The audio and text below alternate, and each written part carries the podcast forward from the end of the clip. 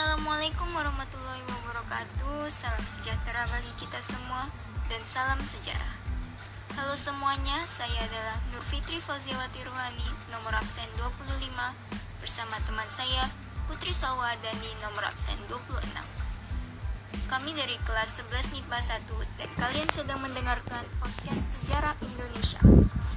Ini adalah podcast yang memberi kalian pengetahuan tentang sejarah Kali ini kita akan membahas tentang kronologi proklamasi kemerdekaan. Nah, kalau kalian mendengar tentang proklamasi kemerdekaan, sudah tentu kalian tahu kapan proklamasinya dan di mana tempatnya.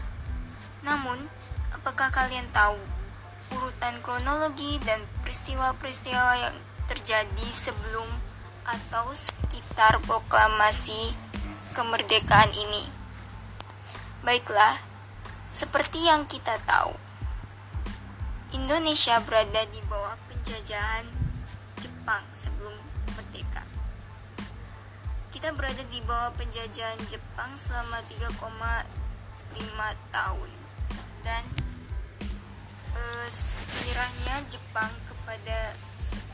terjadi pada tanggal 15 Agustus 1945. Apakah kalian tahu kenapa Jepang tiba-tiba menyerah? Padahal sebenarnya mereka butuh semua sumber daya alam yang di Indonesia dan rugikan kalau mereka menyerahkan Indonesia. Ternyata sebenarnya eh, faktor menyerahnya Jepang ini dipengaruhi besar oleh kejadian pada 6 Agustus dan 9 Agustus 1945. Apa itu kejadiannya? Kejadiannya adalah serangan bom atom atau pengeboman di kota Hiroshima dan Nagasaki. Dan oleh pihak sekutu. Jadi pihak sekutu ini mengirimkan bom atom atau mengebom eh, kota Hiroshima dan Nagasaki, Jepang, agar Jepang ini menyerah dan berhenti untuk menjajah negara-negara. Dan sebelum itu, pada tanggal 7 Agustus 1945, BPU PKI dibubarkan dan PPKI dibentuk. Apa itu BPU PKI dan PPKI?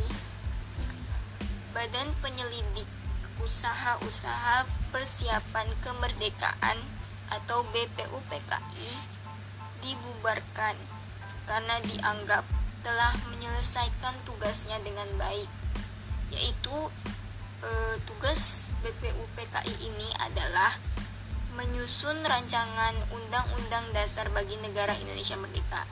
Jadi bahkan sebelum e, Jepang menyerah, Jepang ini udah menyiapkan Indonesia untuk merdeka. Mereka udah memberikan janji kepada Indonesia untuk merdeka. Jadi udah disiapkan. Kemudian BPUPKI dibubarkan dan dibentuk pula panitia persiapan kemerdekaan Indonesia atau disebut PPKI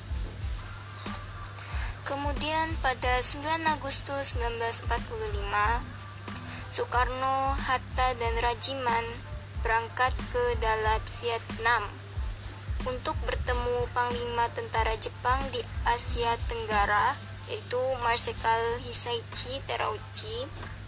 Dalam dan dalam pertemuan mereka tersebut yang di Vietnam ini Terauchi menyatakan si Panglima Tentara Jepang ini menyatakan bahwa pemerintah Jepang telah memutuskan untuk memberikan kemerdekaan kepada Indonesia ataupun eh, Jepang akan menyerahkan kemerdekaan kepada bangsa Indonesia. Bisa cari materi agak jelas dari tanggal 14 Agustus 1945 Soekarno Muhammad Hatta, dan Rajiman Widyodiningrat kembali ke Indonesia. Sultan Syahrir mendesak Soekarno-Hatta untuk memproklamasikan kemerdekaan Indonesia. Tanggal 15 Agustus 1945, Jepang menyerah tanpa syarat ke sekutu dan terjadi kekosongan kekuasaan, Indonesia. Kemudian, golongan muda mendesak Soekarno segera memproklamasikan kemerdekaan paling lambat tanggal 16 Agustus 1945. Soekarno menolak karena ingin meminta pendapat para anggota PPKI. Tanggal 16 Agustus 1445 maaf 1945 dini hari Soekarno dan Muhammad Hatta diculik oleh golongan muda ke Rengas Dengklok, Kerawang dan dipaksa segera memproklamasikan kemerdekaan Indonesia melalui radio. Kemudian, malam hari, Soekarno dan Muhammad Hatta kembali ke Jakarta. Di rumah Laksamana Maida Tadashe, para tokoh nasional berkumpul untuk berunding tentang persiapan proklamasi kemerdekaan RI. Pada tanggal 16 Agustus sampai 17 Agustus 1945, pada malam hingga pagi, Soekarno dan Muhammad Hatta bersama golongan muda dan golongan tua membahas perumusan naskah proklamasi kemerdekaan Indonesia tanggal 17 Agustus 1945, tepat pada jam 10 pagi, Soekarno dan Muhammad Hatta membacakan teks naskah proklamasi kemerdekaan Republik Indonesia di Jalan Pegasaan Timur 56 tanggal 18 1945 PPKI mengesahkan UUD 1945 sebagai dasar negara Indonesia. Demikian podcast dari kami dengan alur proklamasi kemerdekaan di Indonesia. Bila ada salah kata, kita mohon maaf. Kurang lebihnya, wassalamualaikum warahmatullahi wabarakatuh.